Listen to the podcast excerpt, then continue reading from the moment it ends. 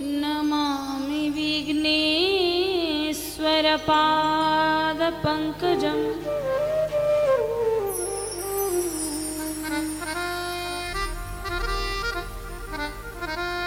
देवी प्रपन्नार्तिहरे प्रसिद्ध।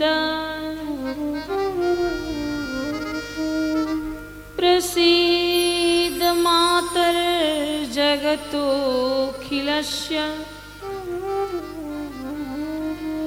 प्रसीद विश्वेश्वरि पाहि विश्वम् त्वमेश्वरि देवी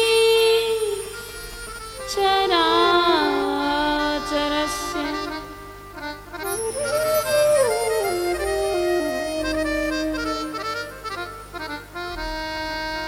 नारायणं नमस्कृत्य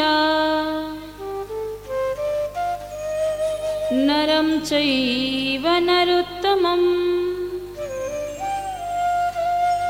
देवीं सरस्वतीं व्यासम्। ततो जयमुदीरे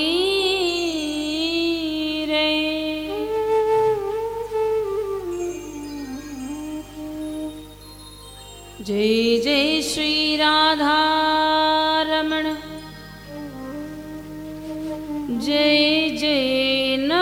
किशोर।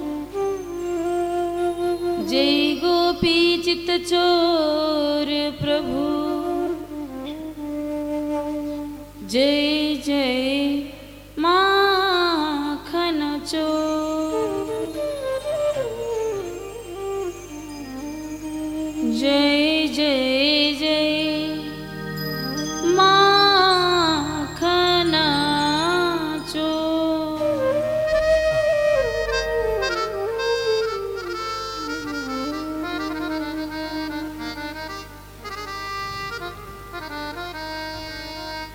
ब्रह्मांड का अधिपति परम कृपालु, परम दयालु भगवान। युगल सरकार, श्री राधा सर्वेश्वर को चरण बिंदमा कोटि कोटि साष्टाङ्ग दंडवत नमन। परम पूज्य सदगुरुदेव महाराज जी को चरण बिन्दमा कोटि कोटि वंदन गर्दै आमन्त्रण गरिएका सम्पूर्ण देवी चरण बिन्दमा प्रणाम। वर्ण भएर बस्नुभएका सम्पूर्ण गुरुबन्धु कलाकार बन्धु सबैका चरणबिन्दमा नमन। यस दिव्य श्रीमद् भागवत रूपी ज्ञान गङ्गाको आयोजककर्ता परिवार टेलिभिजनको माध्यमले प्रत्यक्ष प्रसारण हेरेर बस्नुहुने भगवान्का भक्तहरू र यस कथाको पण्डालमा भगवान्को कथालाई आनन्द उठाउन पाल्नुहुने सम्पूर्ण कथा प्रेमी भागवत भक्तजन हजुरहरू सबैका हृदयमा विराजित भगवान्लाई कोटि कोटि नमन वन्दन गर्दै व्यास मञ्चको तर्फबाट म राधिका दासी अर्पण गर्न चाहन्छु प्रेम सहितको न्यानो अभिवादन राधे राधे श्री कृष्णचन्द्र भगवानको जय हो आजको आनन्दको जय हो भक्त र भगवानको जय जय। श्रीमद् भागवत महापुराणको जय हो। स्वर्गीय बुवा खड्गबहादुर ज्यू स्वर्गीय माता चन्द्रमाया दाहालज्यू छेत्री तथा सम्पूर्ण छेत्री परिवारका दिगम्बत पितृहरूको उद्धारार्थ आयोजित यस भागवती गङ्गा आज भारत राष्ट्रको दुलाल जोत भन्ने स्थान दार्जिलिङको यस पावन पवित्र क्षेत्र पानीट्याङ्की जहाँ हामी भगवान्को कथालाई आनन्द उठाउँदैछौँ। क्षत्रिय परिवारले आयोजना गर्नुभएको यस भागवती गङ्गामा सम्पूर्ण ग्रामवासी स्थानीयवासी कथाप्रेमी भागवत भक्तजन आफन्त इष्टमित्र सबै पाल्नु भएको छ। आउनुहोस् कथामा प्रवेश गर्नु पूर्व केही क्षण भगवान् नाम कीर्तन गुणगान गरौँ। मनलाई कञ्चन पवित्र बनाएर तत्पश्चात हामी कथामा प्रवेश गर्नेछौँ। भक्तवत्सल भगवानको जय जय आजको आनन्दको सबैले गाउनु होला मिठो मिठो तालीको साथमा। भगवानको भजन अल्छी नगरिकन गाउनुहोला। सबैले प्रेम भावको साथमा कि भगवान जीवनमा कति पाप गरे होला कति पुण्य गरे होला कति अज्ञान अज्ञानताको वशमा जान अन्जानमा कसैको चित्त दुखाएँ होला। तर प्रभु आज हजुरको यो कीर्तनद्वारा हजुरको गुणगान गर्दैछु। हजुर यसमै प्रसन्न भइदिनुहोस् भन्ने भावना मनमा सृजना गरिदिनु होला। हरि सुन्दर नन्द मुकुन्द हरि नारायण हरि ओ। ഹരിസുന്ദര നന്ദമ കൊന്ത ഹരിനാരായണ ഹരിയോ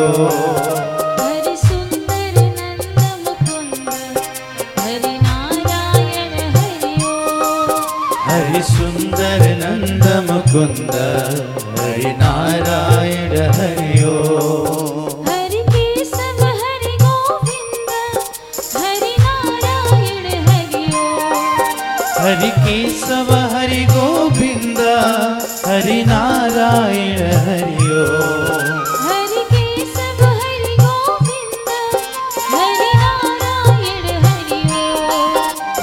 केशव हरि गोविन्द हरि नारायण हरि हरि सुन्दर नन्दम गुन्द हरि नारायण हरि हरि सुन्दर नन्दमकुन्द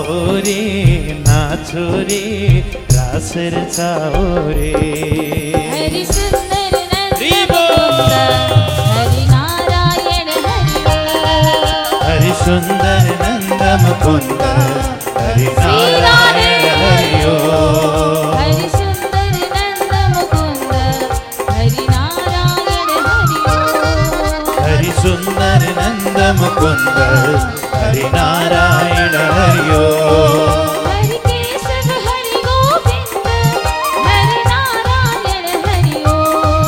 हरि केशव हरि गोविंद हरि नारायण हरि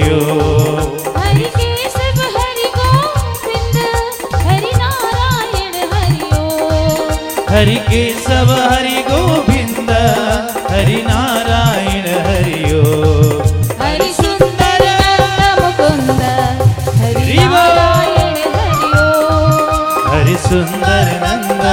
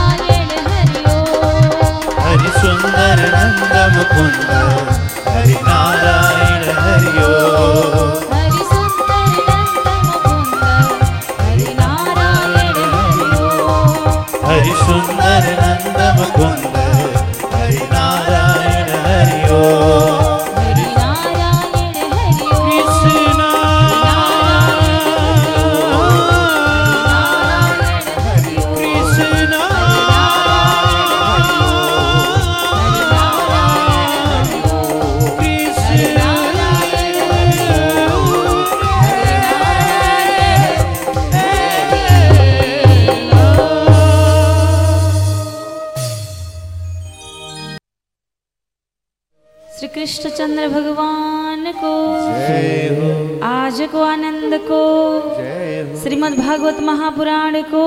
जय हो। सभी को जय हो सभी को मङ्गल होस् सबैको कल्याण होस् अनुष्य हामी कथामा प्रवेश गरौँ भगवानको कथा आज। यस दिव्य धाममा दाहाल क्षेत्रीय परिवारद्वारा आयोजित यस दिव्य कथा दाहाल क्षेत्री परिवारमा जति पनि पितृहरू हुनुहुन्छ उहाँहरूको उद्धार होस् सबैको वैकुण्ठ प्राप्ति होस्।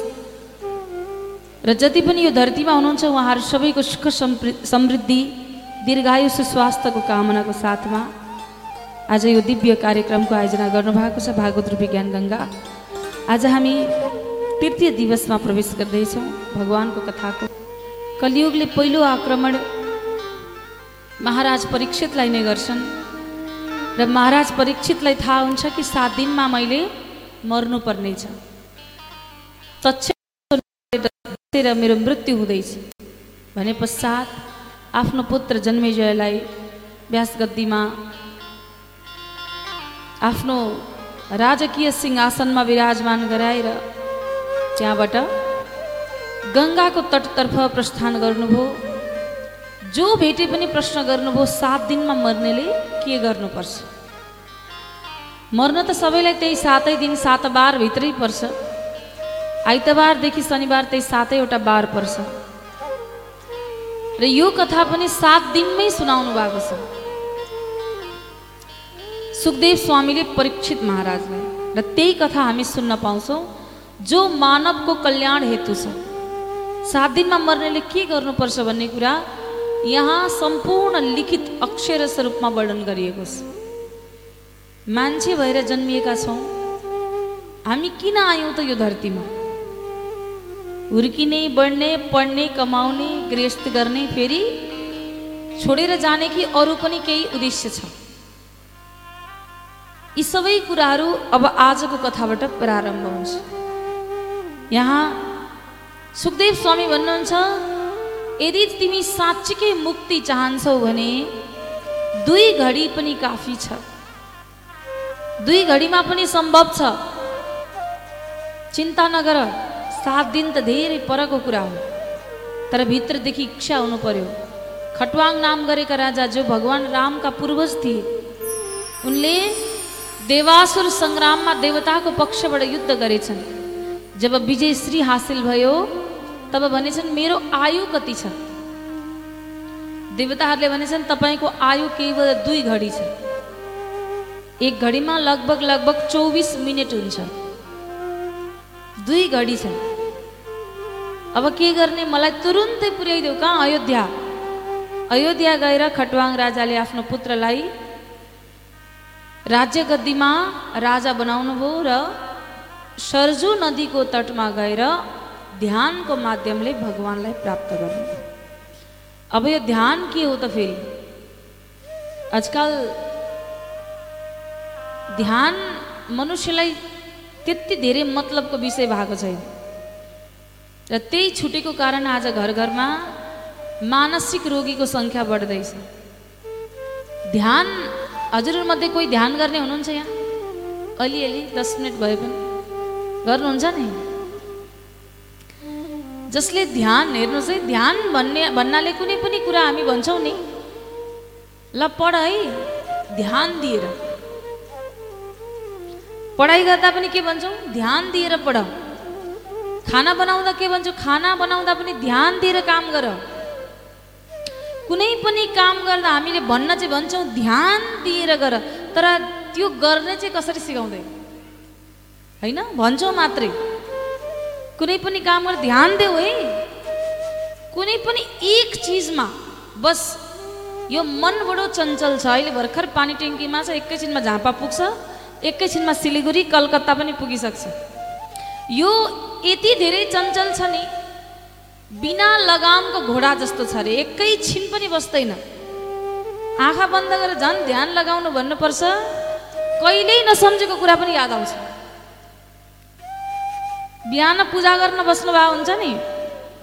यसो मन्दिरमा जानुभयो दुई काँटी धुप बाल्दै हुनुहुन्छ घन्टी बजाउँदै हुनुहुन्थ्यो। ए नानी त्यहाँ दुध डढिसकेछ बास्न आइसक्यो यहाँसम्म। सब्जी बसाएर आएको थिएँ। भन्दै हुनुहुन्छ घन्टी चाहिँ बजाउँदै हुनुहुन्छ। ध्यान चाहिँ कहाँ छ? भान्सामा छ। केवल शरीर मात्र त्यहाँ भयो।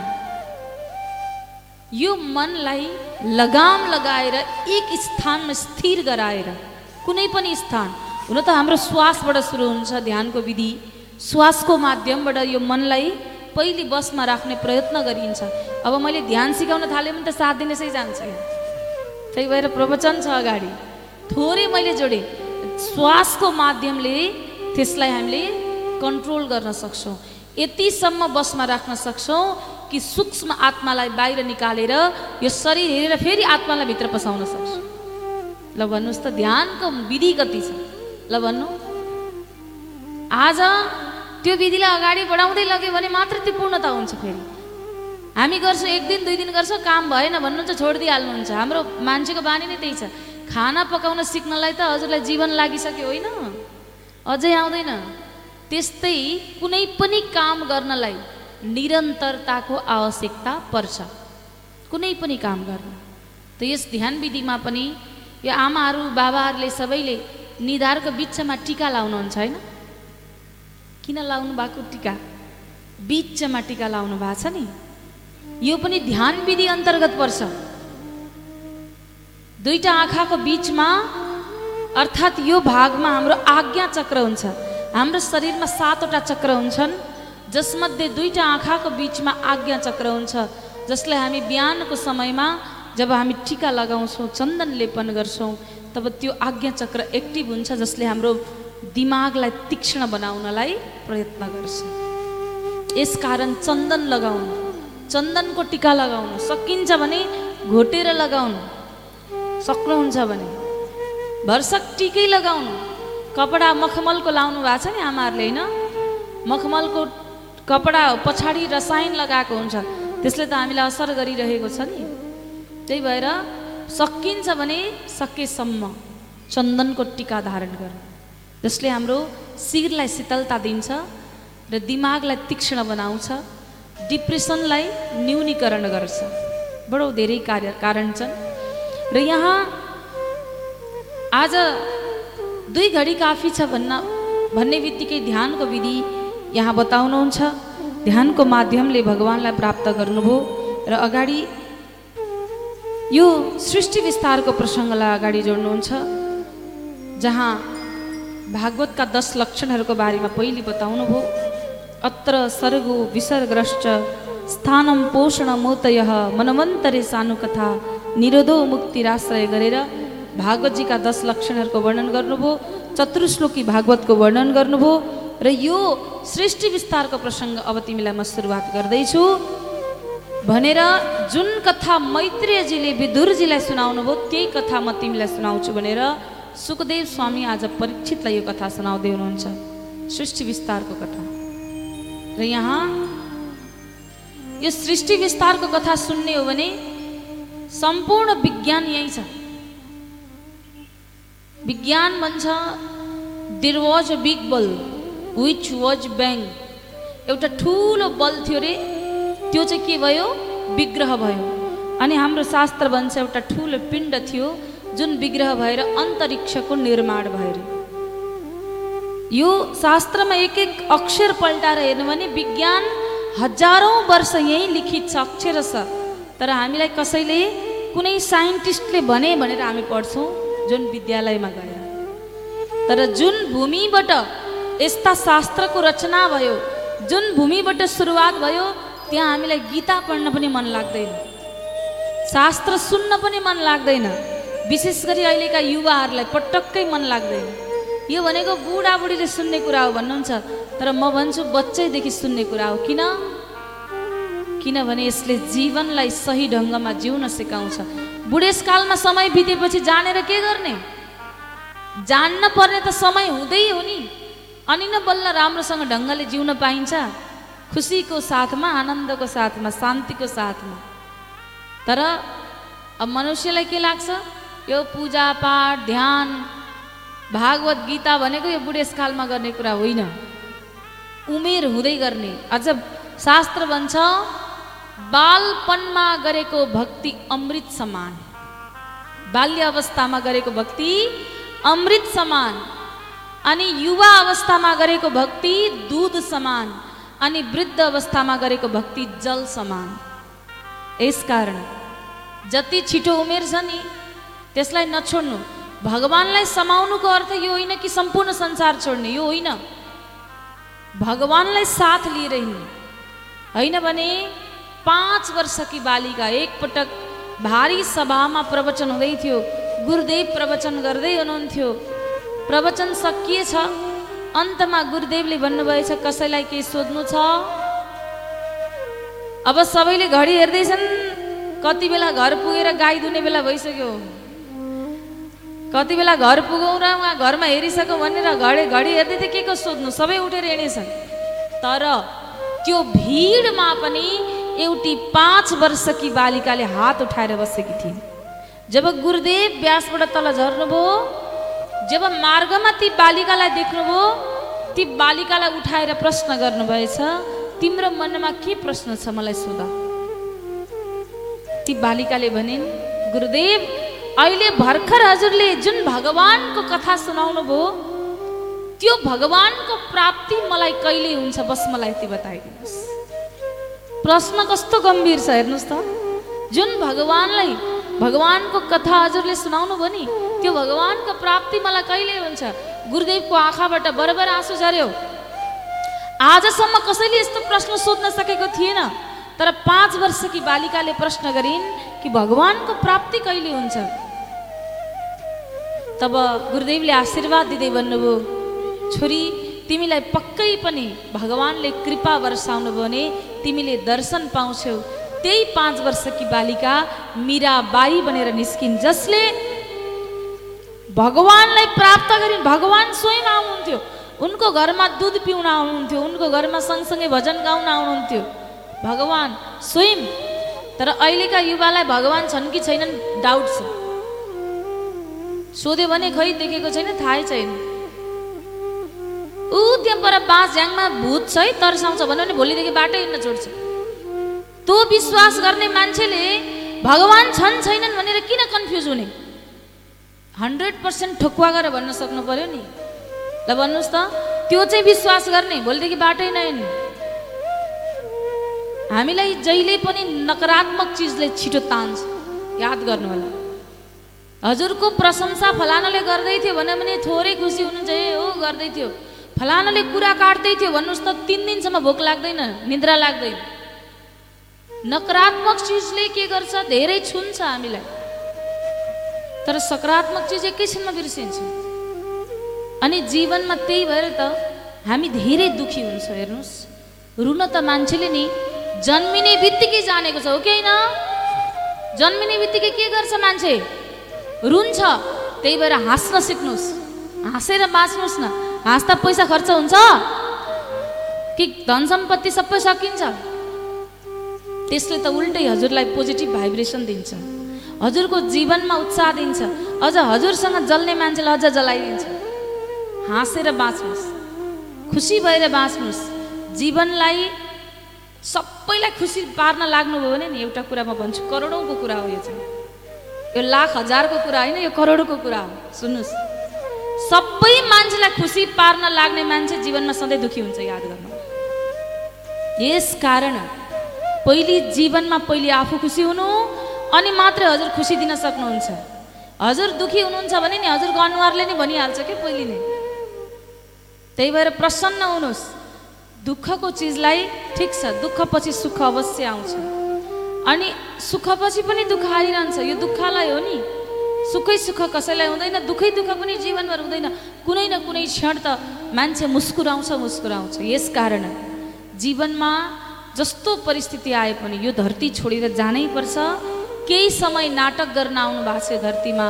कसैले भाउजू बनेर कसैले फुपू बनेर कसैले दाई बनेर कसैले मामा बनेर बाबा बनेर छोरी बनेर सबै नाटक सकाउनुहुन्छ अनि फेरि जानुहुन्छ। कहाँबाट आउनुभयो पनि थाहा छैन कहाँबाट जाने कहाँ जाने पनि थाहा छैन। आजभन्दा सय वर्ष अगाडि कहाँ हुनुहुन्थ्यो? ल कसले भन्न सक्छ? ल भन्नु त। आजभन्दा सय वर्ष अगाडि हजुर कहाँ हुनुहुन्थ्यो? ल आजभन्दा सय वर्ष अगाडि थाहा छैन। आजको सय वर्ष पछाडि कहाँ हुनुहुन्छ? त्यो पनि थाहा छैन। भने जीवन एकदम छोटो छ है। र त्यो छोटो जीवनमा पनि जीवनलाई यत्तिकै खेर नफाल्नु होला यो जीवनमा जसले पठायो जसले स दियो उसलाई पनि याद गर्नुहोस्। जीवन त्यत्तिकै सहज भएर जान्छ। जुन दिन लाग्छ नि भगवान् यहीँ हुनुहुन्छ मेरो साथमा त्यो दिन न त हिम्मत हार्नुहुन्छ न हार खानुहुन्छ न आँखाबाट आँसु झर्छ। कष्टै आयो भने पनि सम्झिनुहुन्छ कि भगवान्ले परीक्षा लिँदै हुनुहुन्छ। ठिक छ पास भएर देखाउँछु। के भएर? दुई चार दिन नाटक गर्न आएको राम्रोसँग सुधार राम्रोसँग गरेर जान्छु मेरो मेरो जीवनको रोल। अनि त्यसमा पनि सबभन्दा राम्रो पात्रलाई मात्रै दुःखको सिन हुन्छ कि? याद गर्नुहोला जो राम्रो पात्र हुन्छ नि उसलाई मात्र। त्यही भएर जीवनमा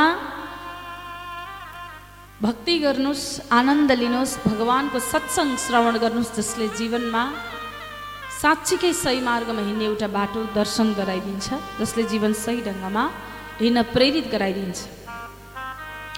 हरि छेक्यो मलाई मोह जालैले। छेक्यो मलाई मोह जालैले।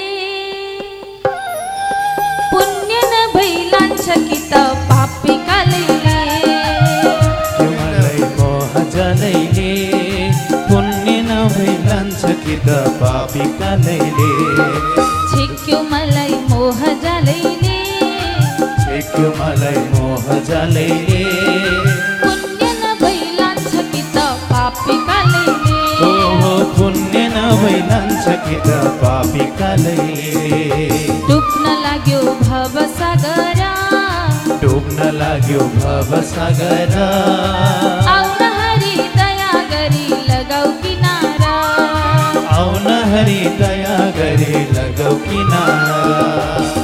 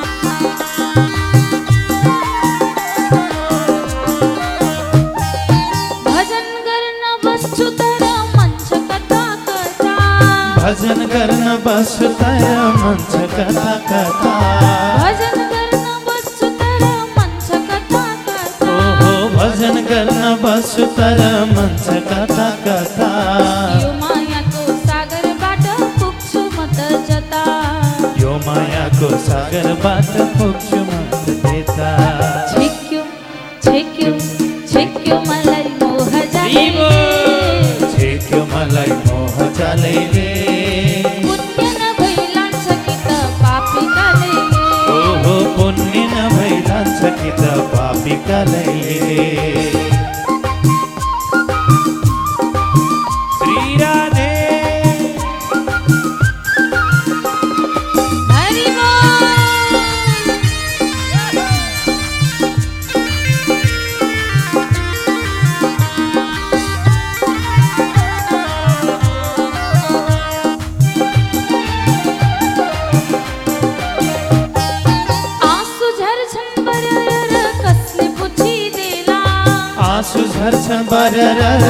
कसले पुछिदेला आँसु झर्छन् बरर कसले पुछिदेला ओ आँसु झर्छन् बरर कसले पुछिदेला संसार रूपी बन्धनबाट कहिले मुक्ति होला?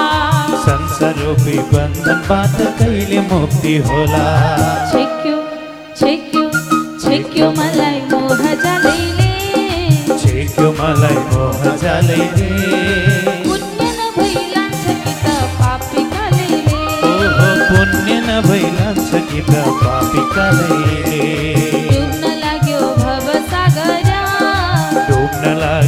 सागर। आउन हरि दया गरी लगाऊ किनारा। आउन हरि दया गरी किनारा। आउन हरि दया गरी लगाऊ किनारा। पुण्य नभई लान्छ कि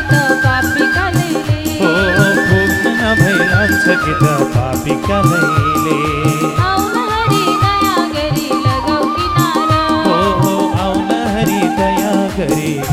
किनारा। श्री हरि भगवान को जय हो। श्रीमद् भागवत महापुराण को जय जय। आज को आनंद को। जय हो। त आज भगवान्सँग प्रार्थना गरौँ कि प्रभु समय अहिले छ। हामीमाथि पनि कृपा दृष्टि वर्षाइदिनुहोस् भन्दै कथामा अगाडि बढ्यौँ। जुन सृष्टि प्रसङ्गको कथा आज श्रवण गराउँदै हुनुहुन्छ मैत्रेयजीले विदुरजीलाई यही कथा सुनाउँदै हुनुहुन्छ सुखदेवजीले परीक्षितजीलाई। अब परीक्षितजीले भन्नुभएछ विदुर को हो फेरि मैले चिनेको छैन चिनाइदिनु पर्यो भनेपछि विदुरजीको चरित्रको प्रशंसा गर्नुहुन्छ। विदुर हस्तिनापुरका प्रधानमन्त्री थिए अरे अहिलेको पुरानो दिल्ली। जसलाई हस्तिनापुर भनिन्थ्यो त्यति बेला। हस्तिनापुरको प्रधानमन्त्री हुनुहुन्थ्यो को विदुरजी महाराज। जब कौरवहरूले छल गरे पाँच पाण्डवहरूलाई कौडा खेल्दा कौडामा हराएर जब वनवास पठाए वनवास सम्पूर्ण काल सकेर अज्ञातवास पनि सकेर जब फर्किएर आउने बेला भयो तब भगवान् कृष्णलाई दूत बनाएर पठाएछन् पाँच पाण्डवले। कौरवहरू समक्ष। अब यता विदुरजी हस्तिनापुरको प्रधानमन्त्री त हुनुहुन्थ्यो तर हस्तिनापुरको काम मात्रै गर्नुहुन्थ्यो। त्यहाँ भोजन गर्नुहुन्न थियो किनभने भोजनले बडो प्रभाव पार्छ हेर्नुहोस्। भोजनको प्रभाव असाध्यै अनौठो किसिमको हुन्छ। सात्विक भोजन गर्ने मान्छेको सोच सात्विकै हुन्छ। तामसी भोजन गर्नेको तामसी स्वभाव आइहाल्छ अलिअलि भए पनि। राजसी भोजन गर्नेको राजसी स्वभाव हुन्छ। एक सन्त रहेछन्। एक भक्तको घरमा पुगेछन्। भक्तले चामलको व्यापार गर्थे। एक दिन उनलाई कसैले दुई नम्बरी धन्दाबाट चामल ल्याइदियो। त्यो चामलमा बडो पैसा लिएर उनले बिक्री गरेछन्। अब यति पाप कमाएँ अब पुण्य पनि कमाउँछु सन्तलाई भोजन गराउँछु भनेर घरमा भोजन बनाएका थिए त्यही दिन सन्त महात्माको आगमन भयो। भोजन गराउनु भयो सन्तलाई सन्त गएर बिस्तारामा सुकला गर्नुभएछ सुत्नु भएछ उठ्नुभयो त छेउमा हेर्नुहुन्छ पैसा राखेको छ यति धेरै गट्टी गट्टी पैसा राखेको छ। सन्तलाई लाग्यो यति धेरै पैसामा अलिकति लिएर जाँदा के फरक पर्छ? ब्यागमा हाल्नु भएछ जानुभएछ। भोलिपल्ट बिहान पैसा गन्दा पुगेन तब घरमा काम गर्न बसेको नोकरलाई ती व्यापारी व्यक्तिले गाली गर्न लागेछन् पिट्न लागेछन्। तैँले पैसा चोरेको हुनुपर्छ। किनभने यो कक्षमा त अरू कोही आएकै छैन। सन्तले त पक्कै चोरेर लगेनन् होला। त्यति बेला नै सन्त महात्मा टुप्लुक्कै आइपुग्नु भयो र आफ्नो झोलाबाट पैसा निकालेर लाउ तिम्रो पैसा भनेर दिनुभएछ। ती व्यक्तिले भन्छन् हजुरले पैसा किन लिएर जानुभयो? भन्दा मलाई एउटा कुरा भन्न त हिजो बनाएको जुन चामल थियो मैले खाएको भोजन त्यो तिमीले कसरी लिएर आएका थियौ ती व्यापारी व्यक्तिले भन्छन् त्यो त चोरीको थियो। त्यो चोरीको चामल मैले खाएपछि मेरो बुद्धिमा पनि चोरी गर्ने मन भरिएछ। आज बिहान जब म पवित्र भएँ तब मेरो मनमा लाग्यो हो मैले त गल्ती गरेँ। यो लगेर मैले दिनपर्छ भनेर म फेरि फर्केर आएँ र यो तिम्रो रकम तिमीलाई जिम्मा भनेर दिनुभएछ। भन्नाको तात्पर्य भोजनको प्रभाव हुन्छ। होइन भने एकछिन अगाडि सधैँ भएको मान्छेलाई मदिरा पिलाइदिनुहोस् त। त्यसको चालचलन फरक हुन्छ कि हुँदैन एकैछिनमा? हुन्छ कि हुँदैन? हो के को प्रभाव? खानाको प्रभाव भोजनको प्रभाव। यो हुन्छ अवश्य हुन्छ। यसकारण यहाँ उहाँले दुर्योधनको घरमा भोजन गर्नु भएन। किन? दुर्योधनको घरमा भोजन गऱ्यो भने मेरो बुद्धि पनि दुर्योधनको जस्तै हुन्छ। केवल काम गर्नुहुन्थ्यो अनि बस्न चाहिँ कदली वनमा गएर बस्नुहुन्थ्यो। आफ्नी पत्नी सुलभाको साथमा। अब विदुरजीकी पत्नी विदुरानी यति धेरै भगवान कृष्णको परम भक्त थिइन् भक्ति गर्थिन् भगवान भारी सभाको बिचमा भगवान कृष्ण आइपुग्नुहुन्छ आएर भन्नुहुन्छ दुर्योधन तिमीले भने बमोजिम पाँच पाण्डवले बाह्र वर्षसम्म वनवास बसे एक वर्ष अज्ञातवास पनि बसे अब उनीहरूको राज्य फिर्ता गर यदि राज्य फिर्ता गर्न सक्दैनौ भने कुनै ठाउँको पाँचवटा गाउँ देऊ त्यो पनि दिन सक्दैन भने एउटै गाउँ भए पनि फिर्ता गर देऊ। तर दुर्योधनले भन्यो ए कृष्ण मसँग युद्ध नगरी त म सियोको टुप्पो बराबर पनि जमिन दिनु पहिले मसँग युद्ध गर्न पर्यो। अब भगवान्लाई पनि क्रोध आयो भगवान् पनि भनिदिनुहुन्छ त्यसो भए युद्ध गर्न तयार भएर बस। दुर्योधनले भने सोचेछ यो त एउटा दूत हो यसलाई म कैदी बनाएर राख्छु। सैनिकहरू सबैले आदेश दिन्छन् यसलाई कैदी गरेर राख। अब भगवान्लाई कैद गर्न त नि केहीले पनि सम्भव छैन। सम्भव छ त एउटै चिज छ साधनले। त्यो हो भक्ति। भक्तिभन्दा बाहेक केहीले पनि कैद गर्न सकिन्न भगवान्लाई। भगवान्लाई बाँध्न त आफ्नै आमा यशोदाले सकिनन्। अघि प्रसङ्गमा आउँछ बाँध्न खोज्दा जहिले पनि दुई औँला डोरी कम हुन्थ्यो। अन्तमा केही नलागेर भगवान् स्वेच्छाले बाँधिनु भयो। भगवान्लाई बाँध्नलाई एउटै डोरी काफी छ त्यो हो प्रेमको डोरी। अरू केही आवश्यकै छैन। भगवान्लाई क्रोधको डोरीले कहीँ बाँध्न सकिन्छ? सकिन्न। दुर्योधनले भने यसलाई कैदी बनाएर राख। भगवान् पनि विराट रूपमा प्रदर्शित भइदिनु भयो। बोल्नुहोस् कृष्णचन्द्र भगवानको। आज भगवान् विराट स्वरूपमा प्रकट भएर भन्नुहुन्छ तब दर्शन प्राप्त गरेपछि दुर्योधनले भने यी त भगवान् हुन् यिनलाई कसले बाँध्न सक्छ? बरु यिनलाई मनाउँछु भनेर प्रभु मेरो घरमा अहिले छप्पन्न भोग तयार छ। जाउँ भोजन गरौँ।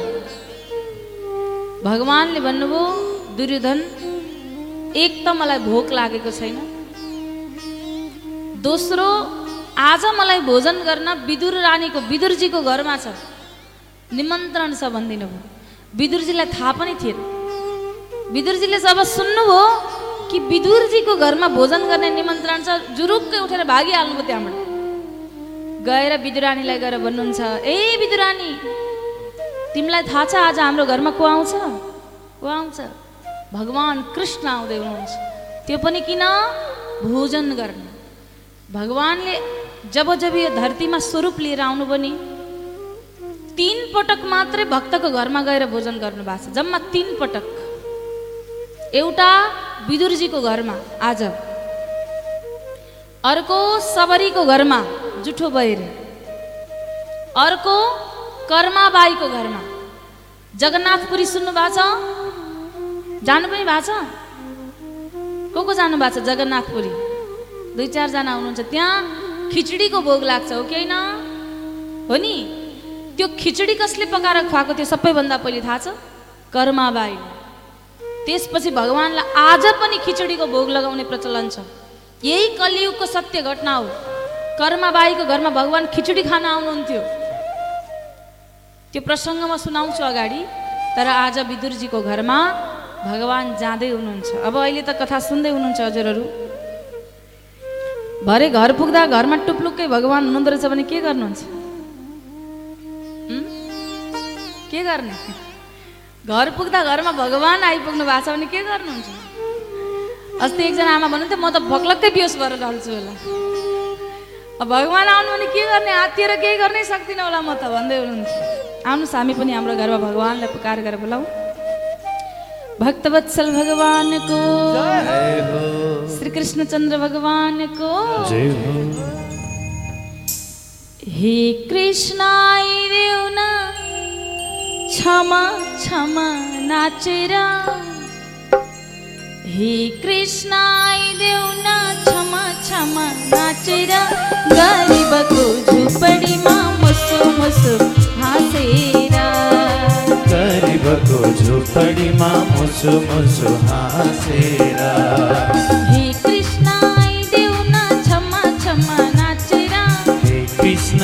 आइदेऊ न छम्म छम्म नाचेर।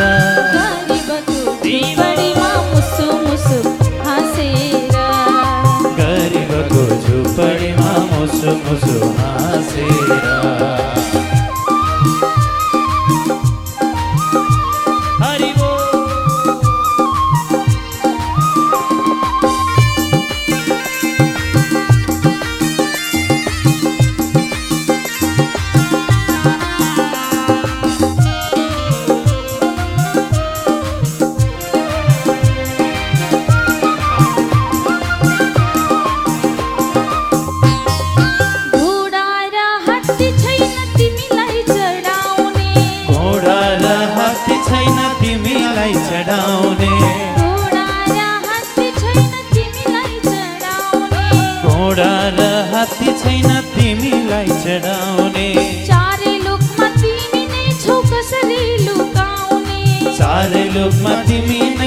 कसरी लुकाउने हे कृष्ण।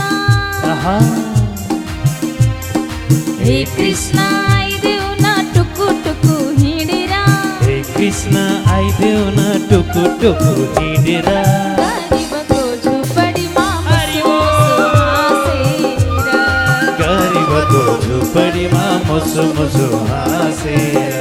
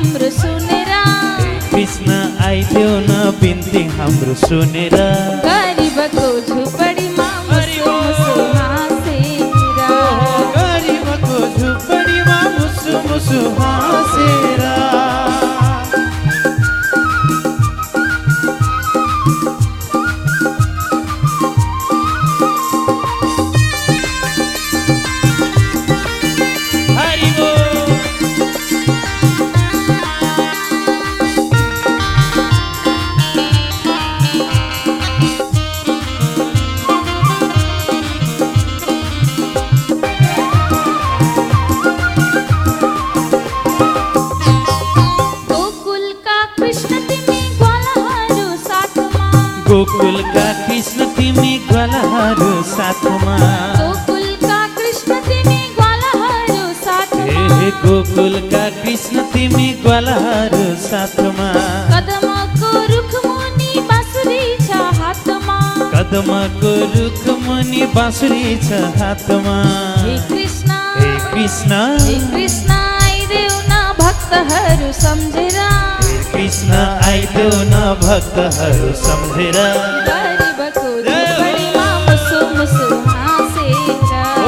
गरिबको झुपडीमा मुसु मुसु हाँसेर।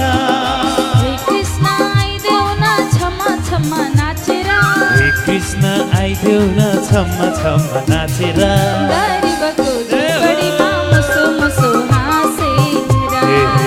हे गरिबको झुपडीमा मुसु मुसु हाँसेर। गरिबको झुपडीमा मुसु मुसु हाँसेर। गरिबको झुपडीमा मुसु मुसु हाँसेर।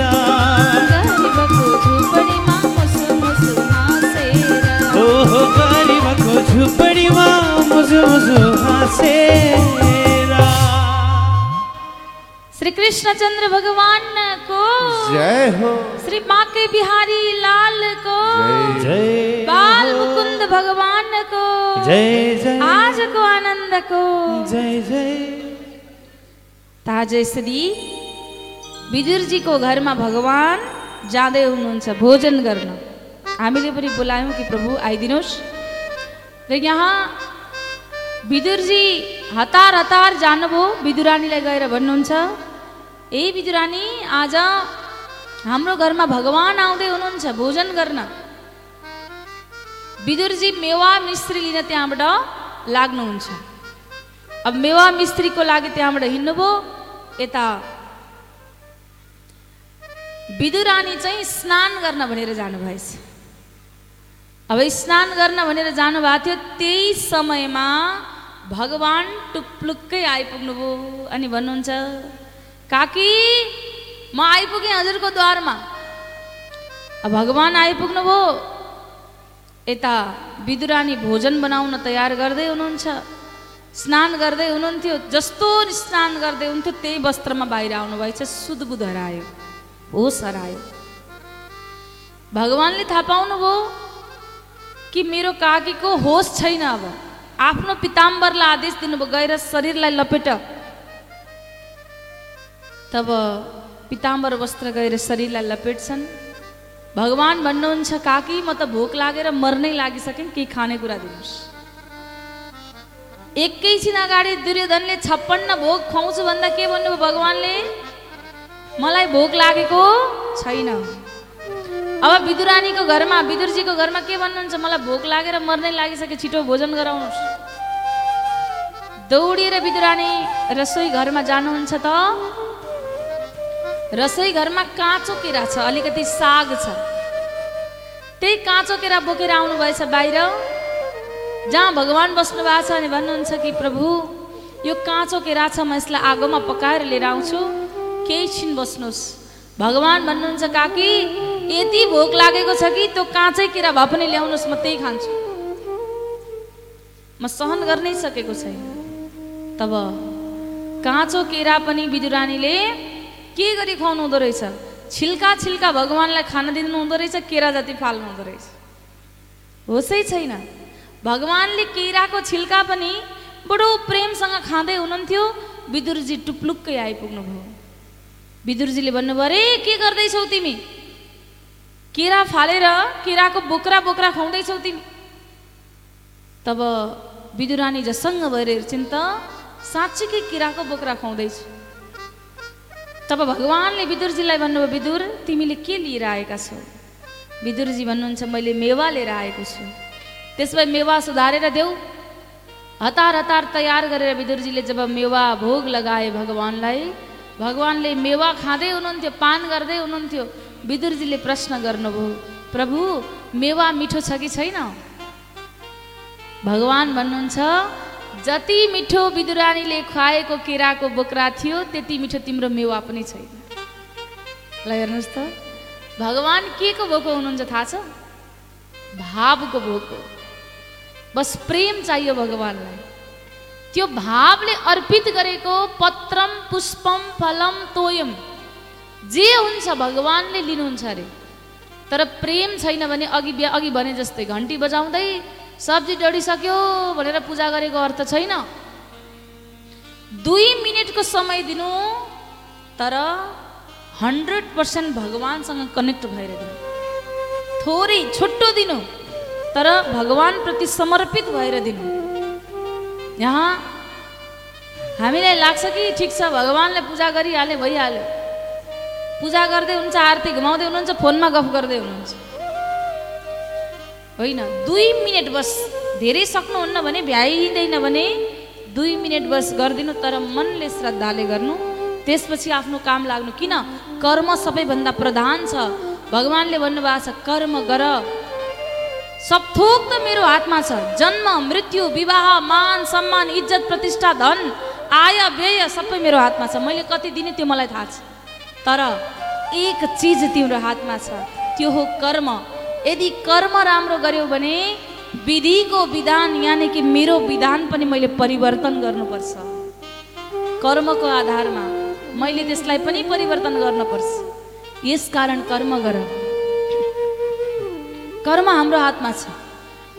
आज यसरी भगवान्ले विदुरजीको घरमा भोजन गर्नुहुन्छ र त्यही विदुरजी पछि मैत्रजीका पासमा गएर सृष्टि विस्तारको कथा प्रसङ्गलाई अगाडि बढाउनुहुन्छ। भगवान्ले सोच्नुभयो एको हम बहुश्याम म एउटा छु म धेरै बन्न चाहन्छु।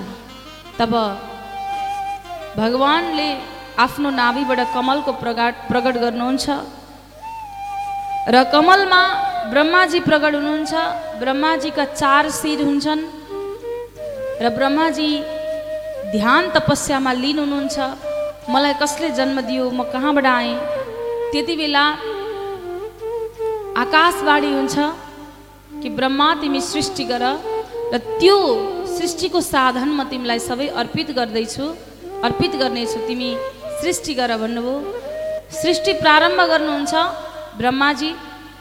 प्रारम्भ गर्दा सबैभन्दा पहिले सनक सनन्दन सनातन सनत कुमार गरेर चार ऋषिहरूलाई प्रकट गर्नुभयो। सनकादिक कुमारहरूलाई। तब सनकादिक कुमारहरूको प्रकट भए पश्चात सृष्टि विस्तार गर भन्ने आदेश दिनुभयो ब्रह्माजीले। तर सनकादिक कुमारहरूले शिर हल्लाए हामी गर्न सक्दैनौँ भने ब्रह्माजीलाई क्रोध आयो भ्रिगुडी टेडी गर्नुभयो। बिचबाट नील लोहित बालकको जन्म हुन्छ। जन्मिने बित्तिकै नाम सोधे। तब ब्रह्माजीले रुद्र भनेर नाम राख्नुहुन्छ। भगवान् शङ्कर भोलेनाथलाई फेरि सृष्टि प्रारम्भ गर्न आदेश दियो। भोले बाबाले भूत प्रेत पिसाच गढेको सृष्टि प्रारम्भलाई अगाडि बढाउनु भयो। त्यसलाई ब्रह्माजीले फेरि रोक्नुहुन्छ र रोकेर दस मानस पुत्रहरूको प्रकट गर्नुहुन्छ। जसमा यी ऋषि मुनिहरूद्वारा वंश विस्तार धेरै अगाडि भएको छ। मरिची आत्री अङ्गिरा पुलस्थे पुलह क्रतु भृगु वशिष्ठ दक्ष र नारद गरेर दस मानस पुत्रहरूलाई जन्म दिनुहुन्छ। र अगाडि अब कति आफैले मात्र सृष्टि विस्तारलाई अगाडि बढाउने एउटा स्त्री र एउटा पुरुष बनाएर सृष्टि विस्तार गर्छु भनेर संसारकै पहिलो पुरुष मनु महाराज र पहिली स्त्री शत्रुपा महारानी। आज यो विश्वमा जति छौँ नि हामी सबै हामी सबै यिनैको सन्तान हो। बुझ्नुभयो नि पहिलो पुरुष र पहिलो स्त्री सुरुवात गर्नुभयो। हुन त हामी सबै ऋषिमुनिका सन्तान हो याद गर्नुहोला।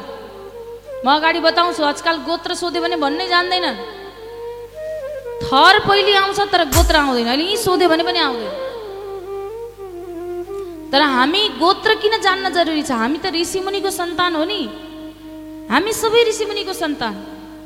कोही अत्रि ऋषिको सन्तान कोही कश्यप ऋषिको सन्तान कोही कौशिक ऋषिको सन्तान आफ्ना आफ्ना ऋषिमुनि छन् गण छन्। र गोत्र के हो भन्दा त्यही ऋषिको नाम भन्ने हो। यो थर भन्ने कुरा त भर्खर आएको कुरा हो पछि आएको ठाउँ अनुसार फलानु ठाउँमा बसे त्यही भएर यो थर राखे। फलानु ठाउँमा गए त्यही भएर यो थर राखे भन्दै वास्तवमा पहिले त हाम्रो गोत्र हो। हामीले त्यो भुल्दै गयौँ। र आज चाहिँ त्यो गोत्र परम्परा छुटेर आफ्नै घरका दाजुभाइ दिदीबहिनीसँग विवाह हुन बेर लाउँदैन। गोत्र छुट्दै गयो परम्परा छुट्दै गयो। बडो गाह्रो छ। सोध्यो भने अस्ति आउनु भएको थियो एकजना मन्दिरमा पूजन गराउन। हजुरको गोत्र के हो भनेको थाहै छैन गोत्र। उमेर कति छ? पैँतालिस पचास वर्षको उमेर छ। अब त्यो उमेरमा गोत्र थाहा छैन। भने अहिलेका बच्चाहरूलाई झन् के होला? र यहाँ आज शत्रुपा महारानी र मनु महाराजको प्रकट गर्नुभयो। र मैथुनी प्रक्रियाद्वारा सृष्टिलाई अगाडि बढाउनलाई प्रेरित गर्नुभयो। अब मनु महाराजले भन्नुभएछ ठिक छ। म सन्तान त अगाडि जति छन् म निकाल्दै सृष्टि विस्तारको लागि अगाडि बढाउँछु म सहयोग त गर्छु तर मैले कहाँ लगेर राख्ने? राख्ने ठाउँ पनि त चाहियो। भन्दा पृथ्वीमा लगेर राख भन्नुभयो। अब पृथ्वीमा ल्याएर राख भनेपछि पृथ्वी चाहिँ त्यति बेला कोसँग थियो भन्दा हिरण्याक्ष नाम गरेको दैत्यसँग थियो। त्यो हिरण्याक्ष नाम गरेको दैत्यले पृथ्वीलाई लगेर रसातालमा लगेर डुबाएर राखेको थियो। अब यो हिरण्याक्ष को हो भन्दा कश्यप ऋषिको पुत्र हो फेरि। कश्यप ऋषिका दुई पत्नी सुन्नुहोस् है अब। दिति र अदिति। दिति माताले अरू पनि छन् तर मैले दुईको विशेष यहाँ कथामा आउने भएको भएर मैले हजुरलाई बताएँ। दिति र अदितिको विशेष कथा आउँछ यहाँ। र दिति माताले एक दिन कश्यप मुनिलाई भन्नुभएछ साँझ साँझको समयमा मलाई सन्तान चाहियो। मलाई सन्तान दिनुहोस्। अब साँझको समय छ। कश्यप मुनिले भन्नुभयो यो साँझको समय सन्तान प्रदान गर्ने समय होइन। साँझको समय त दीपक जलाएर द्वार खुल्ला राखेर लक्ष्मीको आगमन हुने समय हो अरे साँझको समय। त्यही भएर साँझको समय केही केही कामहरू वर्जित छ गर्नलाई? के काम? एक नम्बरमा त मैथुनी प्रक्रिया बन्द। सन्तान प्रदानको कार्य यदि साँझको समयमा भयो भने त्यो सन्तान कस्तो जन्मिन्छ? दैत्य जस्तो जन्मिन्छ। राक्षस जस्तो। यहाँ आउँछ अगाडि प्रसङ्ग। साँझको समय एक नम्बर। दोस्रो अध्ययन पनि नगर्नु भने चाहिँ साँझको समयमा। अध्ययन नगर्नु भने चाहिँ तेस्रो हामी कुचो लगाउनु हुँदैन भन्छौँ नि। त्योभन्दा अगाडि नै लगाएर घर सफा गरिसक्नुपर्छ। किन? लक्ष्मीको आगमन हुन्छ। दुवैजनालाई एकैचोटि आउनुहुन्छ। लक्ष्मी र दरिद्रता दिदीबहिनी हुन्। लक्ष्मी र दरिद्रता दिदीबहिनी दुवैलाई अनुमति छ। साँझको समय घरमा जाऊ। घर घरमा जसको घर सफा छ सुन्दर छ लक्ष्मी प्रवेश गर्नु। जसको घरमा फोहोर छ त्यहाँ दरिद्रता प्रवेश गर्नु भनेको छ। दुवैलाई अनुमति छ। यसकारण भन्ने चलन छ। हाम्रा बुढापाकाहरू भन्नुहुन्छ तर हामीलाई के लाग्छ? ए भन्दै गर्छन्। बिरालो बाँधेर श्राद्ध गरे जस्तो कि। हजुरबाको पालामा घरमा बिरालो रहेछ। श्राद्ध गर्ने बेलामा जहिल्यै बिरालोले दुःख दिएछ। हजुरबाले भन्नुभएछ ए यो बिरालो बाँध बाँध। अनि यहाँ श्राद्ध गरौँ। अब त्यो दृश्य त्यो नातिले देखिरहेछ सानो बच्चा नातिले। भोलि पर्सि बाबा पनि बित्यो अब नातिको बिरा नातिको श्राद्ध गर्ने बेला आयो। नातिले हजुरबाको बुवाको श्राद्ध गर्न बसेको बेलामा घरमा त बिरालो रहेनछ गाउँभरि खोजेर ल्याएर बाँधेर श्राद्ध गरेछ। हजुरबाले गरेका थिए मैले पनि गर्नुपर्छ त्यो होइन। बुझ्नु पर्यो नि पहिला के कारण? पहिले बुझ्दैनौँ अनि हामी के गर्छौँ? पहिले नै नकारात्मक अभिव्यक्ति दिइहाल्छौँ। र यहाँ साँझको समयमा दीपक जलाएर बस्नु साँझमा माता लक्ष्मी स्वयं आउनुहुन्छ दरबारमा। मान्छे तर कति स्वार्थी छन् हेर्नुहोस् है। शिवरात्रि भयो भने शिवरात्रि भयो भने घर सजाउँछन्? अलिअलि सजाउला थोरै थोरै वसन्त पञ्चमी आयो भने अलिअलि विद्यालयतिर ठाउँ ठाउँमा सजावट हुन्छ थोरै थोरै। जन्माष्टमी आयो भने पनि अलि थोरै थोरै हुन्छ। तर लक्ष्मी पूजा आयो भने त बाटोदेखि घरसम्म सबै सजावट हुन्छ याद गर्नुहोला। लक्ष्मी भन्ने बित्तिकै धन आइहाल्छ अब। र त्यहाँ लक्ष्मी पूजाको त पन्ध्र दिन अगाडिदेखि घर सफा गर्ने तयारी हुन्छ। लक्ष्मी आउँदैछिन् मेरो घरमा। अनि फेरि लक्ष्मी यति चञ्चल छिन् नि याद गर्नुहोला। लक्ष्मी यति चञ्चल छिन् कि कुन दिन छोडेर हिँड्ने पत्तै हुँदैन यो। कुन दिन कुन एक क्षण लाग्दैन उनलाई छोडेर हिँड्नलाई। र यहाँ आज दिदी माताले भन्नुभयो मलाई सन्तान दिनुहोस्। कश्यप ऋषिले जिद्दी गरेको देखेर सन्तान त दिनुभयो तर श्राप पनि दिनुभयो। के भन्नुभयो? तिम्रो गर्भबाट दुईवटा दैतीको जन्म हुन्छ। अब दिदी मातालाई पनि बडो ग्लानी भयो। सङ्कल्प लिनुभयो म यो गर्भको बच्चालाई सय वर्षसम्म जन्म दिन्न। सय वर्षसम्म जन्म दिन्न भने सङ्कल्प लिनुभयो। तर पछि फेरि भगवान्कै आग्रहमा दुवैले जन्म लिन्छन् र दुवै सन्तान एक हिरण्याक्ष र अर्को हिरण्य कश्यप भएर जन्म लिन्छन् दुवै दैती हुन्छन्। तर यी दुई को हुन् त भन्दा पूर्व जन्ममा भगवान् नारायणको पार्षद जय र विजय हुन्। जब सनकादिक ऋषिहरू एकपटक दर्शन गर्न भनेर जानुभएछ नारायणलाई बाटोमा रोकेछन् यिनीहरूले। जान मिल्दैन जान मिल्दैन भन्दै तिनपल्ट रोकेको कारण सनकादिक कुमारले श्राप दिए तिमीहरू तिन जन्मसम्म दैत्य भएर जन्मिनु। र यो पहिलो जन्ममा चाहिँ हिरण्याक्ष र हिरण्य कश्यप भएर जन्म लिन्छन्। र उही हिरण्याक्ष आज पृथ्वीलाई रसातालमा लगेर डुबाएर राख्छन् र भगवान् ब्रह्माजीको नासिका भनेको छ। नासिका भनेको नाकबाट बराहको रूपमा प्रकट भएर यो धराधाममा आउनुहुन्छ।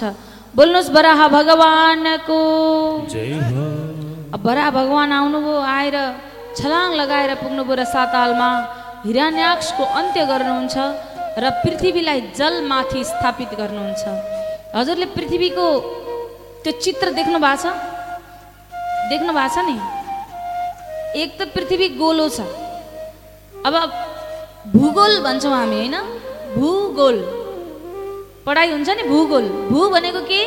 पृथ्वी। गोल भनेको गोलो। हाम्रो शास्त्रले उहिले भनेको छ पृथ्वी गोलो छ। अनि पर पछि पहिले च्याप्टो छ भन्थेस् वि- वैज्ञानिकहरूले। पछि आएर पृथ्वी गोलो छ भनेर पत्ता लगाए।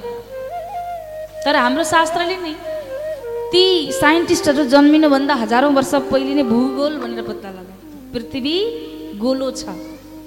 र सूर्य कति टाढा छ चन्द्रमा कति टाढा छ यो तेस्रो स्कन्दमा नि एक एक अक्षर वर्णन छ एक एक अक्षर। तर यसलाई हामीले ध्यानै दिएनौँ। यहाँ हजारौँ वर्ष पहिले लेखिएका कुराहरू आज प्रमाणित भएपछि मात्र यसलाई ए हो भनेर हेर्छौँ हामी। र यहाँ आज जलमाथि पृथ्वी छिन्। त्यो चित्र हेर्नुहोस् त एकचोटि तिन भाग जल एक भाग पृथ्वी छ हो कि होइन? र जुन दिन प्रलय आउँछ त्यो दिन त्यो पृथ्वी फेरि त्यही जलमा समाश्रित हुन्छ। अद्भुत चित्रण हो कि होइन? जलको जल र पृथ्वीको एक पिण्ड चाहिँ खुल्ला आकाशमा अडिएको छ। अचम्मको चित्रण हो कि होइन? भगवान्ले कसरी त्यसलाई सृजना गर्नु बोला कसरी यसलाई रचना गर्नु बोला यो अनन्त अन्तरिक्षलाई अझ शास्त्रमा भनिएको छ यस्तो पृथ्वी त कतिवटा छ भन्नुहुन्छ। अहिले हामी यो बसे जस्तो पृथ्वी त यो अन्तरिक्षमा अनेकौँ छन् रे। एउटा दुईटा होइन अनेकौँ छन् भनेको छ। अस्ति भर्खर हिरै हिराको ग्रह पत्ता लाग्यो। हाम्रो शास्त्रमा पहिले नै लेखेको छ। यहाँ यसमा लेखेका कुराहरूलाई साँच्चीकै भित्र पसेर हेर्ने हो भने सम्पूर्ण विज्ञान यसमै समाश्रित छ। र आज उसलाई हिरान्याक्षलाई अन्त्य गरेर बराह भगवान जलमाथि पृथ्वीलाई स्थापित गर्नुहुन्छ। बोल्नुहोस् बराह भगवान कि। हरि। बराहा भगवान आए भूको भूभर हटाए बड़ा भगवान आए भूको भूवर हटाए बड़ा भगवान आए भूको भूवर हटाए बड़ा भगवान आए भूको भूवर हटाए बड़ा भगवान आए भूको भूवर हटाए बड़ा भगवान आए भूको भूवर हटाए जय भगवान। बड़ा भगवान आए भूको भूवर हटाए